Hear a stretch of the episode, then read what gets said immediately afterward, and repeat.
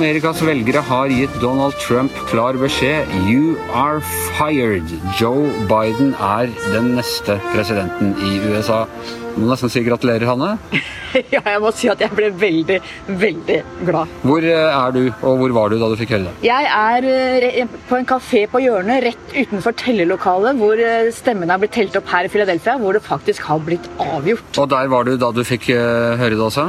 Nei, vet du, da var jeg faktisk Jeg trodde det skulle ta litt tid, så jeg var på vei inn i et museum om amerikansk historie her i Philadelphia og fikk melding og løp opp for å treffe Stig Øystein og Patrick som var utenfor hotellet. Så mm, jeg var faktisk ikke til stede da, det, da jeg fikk vite det. Nei, jeg, var, jeg, hadde akkurat gått på flyet da push-varselet kom, kom, fra VG.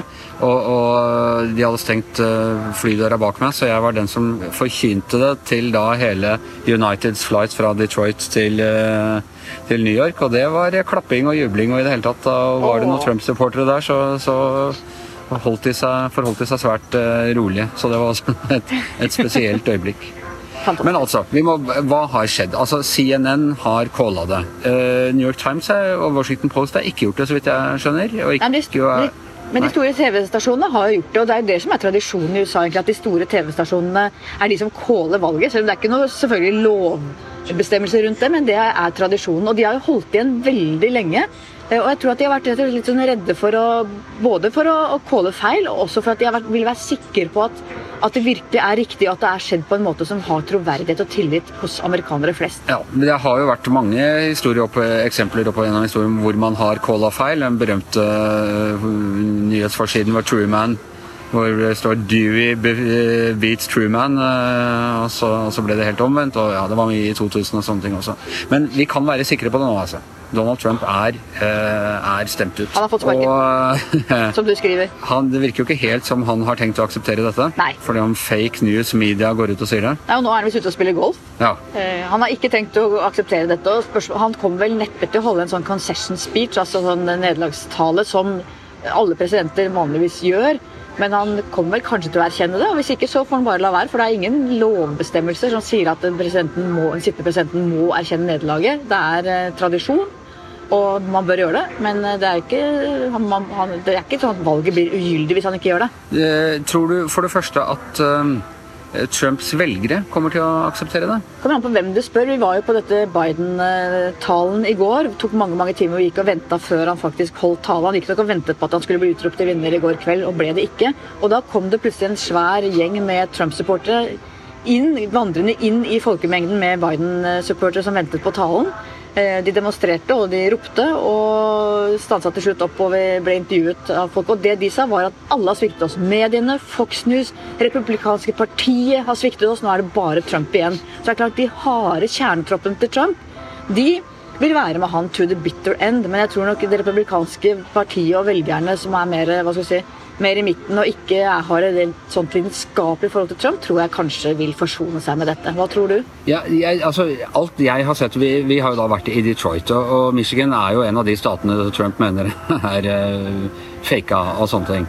Og utenfor det tellesenteret, vi gikk der i, i går, jeg og, og kollega Kristine Kinne som, som for VGTV, uh, og der sto det jeg, hvis det var åtte Trump-tilhengere og ropte, så uh, var det maks. Og hvis det var 20 motdemonstranter fra uh, Black Lives Matter, så er det maks. Så tror jeg det var omtrent 40 politimenn og -kvinner. Og så var vi ca. 60 fra pressen. Og det, for meg ble det litt i et nøtteskall. Altså, jeg jeg er kanskje overdrevent optimistisk på en dag som denne. Jeg tror ikke det blir så mye bråk. Jeg tror også at uh, Trumps tilhengere og vanlige republikanere uh, svelger tungt og godtar nederlaget på samme måte som demokratene svelger tungt og, godtok uh, nederlaget forrige gang. Dette er de vant til. Dette skjer egentlig sånn hvert fjerde eller i hvert fall hvert åttende år. Det er alltid én side som taper. Og man blir litt bitter og man kan godt si litt sure ting, men sådan er demokratiet. Ja, og så tror jeg kanskje at det hadde tatt så lang tid disse dagene, at det har kanskje også gitt litt tid og rom til erkjennelse, til å senke skuldrene, til å fordøye det gradvis for skuffede velgere på Trump-siden. Så jeg tror kanskje at det har vært en fordel at det har tatt den tiden det har tatt, at det ikke ble brått avgjort på valgnatten hvor alle var i helspenn. Ja, det er jeg enig i, og dette har jo vært en utrolig syretest for nettopp valgsystemet i USA, som så vidt jeg skjønner har bestått testen veldig mye bedre enn den gjorde i 2000, hvor det var veldig forvirring rundt hvor stemmesedlene og hvordan de så ut og øh, øh, hvordan de skulle telles. Og her har det altså det har blitt gjort på skikkelig måte, og, og et, det skal tåle etterprøving. og Det blir jo omtelling noen steder. og, og man må jo også si altså Uh, Biden er, det er et solid eh, seier. Han kommer til å vinne med opp i fem millioner eh, antall stemmer, og han vinner i, i, mer enn nok stater og får flere enn nok valg. Men det har jo også vært hårfint mange steder. Og Trump har jo fått vanvittig mye stemmer, han også. Det er ikke noe tvil om det. Nei, Han er jo den presidenten i amerikansk historie som har fått nest flest stemmer, mens Biden har fått flest. og Det tenker jeg er en seier for demokratiet. At man faktisk har fått så høy oppslutning om valget, og at det har gått så ryddig for seg. Jeg hørte på et morgenshow i dag noen som beskrev hvordan det i valglokalene er. hvor alle de frivillige som sitter og teller stemmer dag og natt. og du du kan ikke se hvem som er demokrat, hvem som er republikaner. De samarbeider, jobber godt sammen, har veldig respekt for jobben de gjør. Det er gjennomsiktig. Eh, det var en som sa at det er flere kameraer i stemmelokalet enn det er i et kasino i Las Vegas for at det skal være så åpent og transparent. De har virkelig bestått testen. og Jeg kjenner jeg er litt sånn rørt i dag over hvordan det amerikanske demokratiet har klart å gjennomføre dette og fortsatt står så sterkt. Så er det Joe Biden, eh, USA og verdens eh, nye eh, president. Hva tror du han Hva blir først på agendaen nå? Eh, bortsett fra antibac-ene Det hvite hus, for der er det så fullt av koronasmitte at, det, at det knapt er friske mennesker igjen. Ja.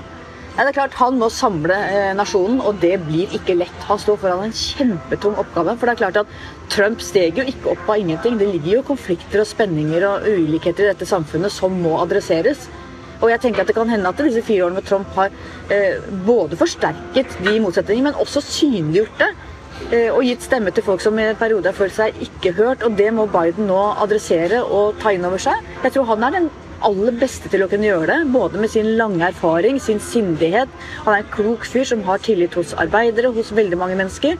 Eh, han har vært i mange år som senator, kan Kongressen ut og inn. og Jeg tror han er veldig veldig innstilt på å forsone dette landet. og Hvis noen kan klare det, så tror jeg det er Joe Biden. Og policymessig, altså det er jo, jeg tenker på, Han har da vært med på å overta tidligere, eh, Joe Biden. Det var i 2009. Eh, og Da hadde du jo hele finanskrisen. Og han hadde jo faktisk ansvar for bilindustrien i Detroit, hvor jeg nå har vært.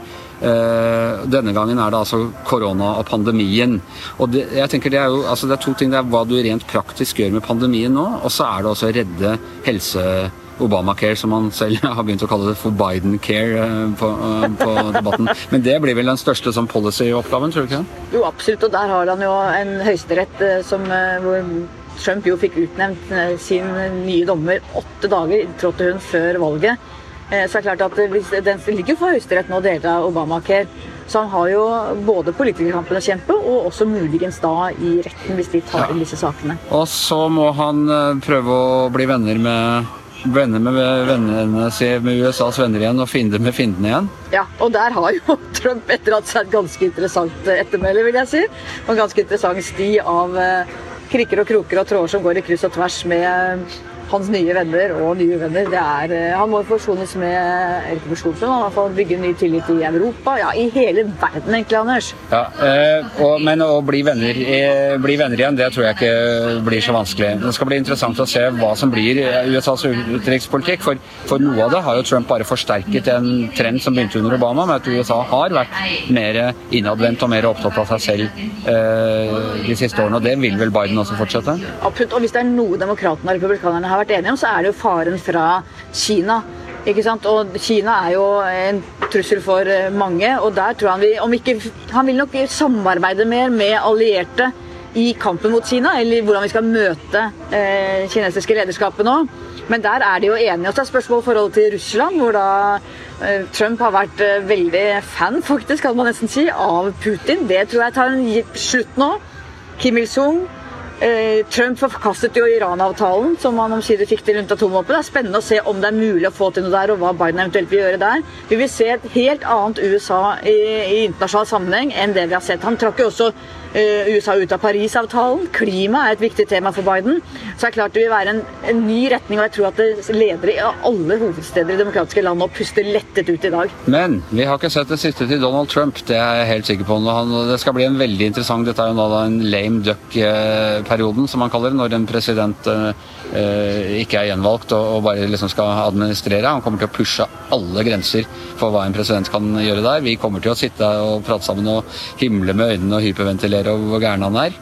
Og så har de jo, Han har jo ikke blitt fratatt Twitter-kontoen sin, så vi kommer til, han kommer til å løpende kommentere alt som skal skje i tiden framover. Så, så han kommer til å være Han er som Lex Luthor. Han blir ikke borte fordi Supermann slår ham i en episode, liksom. Nei, det er helt sant. Men det er, jo så spørsmålet hva de rundt han vil gjøre. Om de vil prøve å legge bånd på han. Han- For presidenten har jo enormt stor makt i USA. Så jeg er også veldig spent på hva gjør Donald Trump ut av sin lame duck-tid. Noen har til og med fleipa eller spekulert i at han gjør Pence til president, sånn at han kan benåde Trump og alt det som nå ligger på han. Men det kan vi nesten ikke tro på, Anders. Ja, akkurat når det gjelder de gutta der, så er jeg villig til å tro så alt. Ok, eh, du skal videre på VGTV, Hanne, og jeg skal hjem til Norge. Eh, takk for følget eh, denne historiske valgkampen. Ja, Tusen takk, Anders. Dette har vært fantastisk og så gøy å være sammen med deg digitalt på skjerm gjennom disse Ja, ja, ja. ville dagene. Det, eh, the feeling is mutual. Eh, vi sees hjemme i Norge, vi høres jo eh, før det. Når kommer du hjem? Litt uvisst. Antagelig så blir jeg her ut denne uka. Det er litt avhengig av hvordan det går her borte. Ok, men vi, se, vi ses i hvert fall. Giæver og Skartveit er over for i dag ved stemmelokalet i Pennsylvania, Hanne Skartvedt. På flyplassen i New York, Anders Giæver. Og mannen som går sømløst fra pre presidentperiode til presidentperiode uten å være lame duck, er vår produsent Magne Antonsen.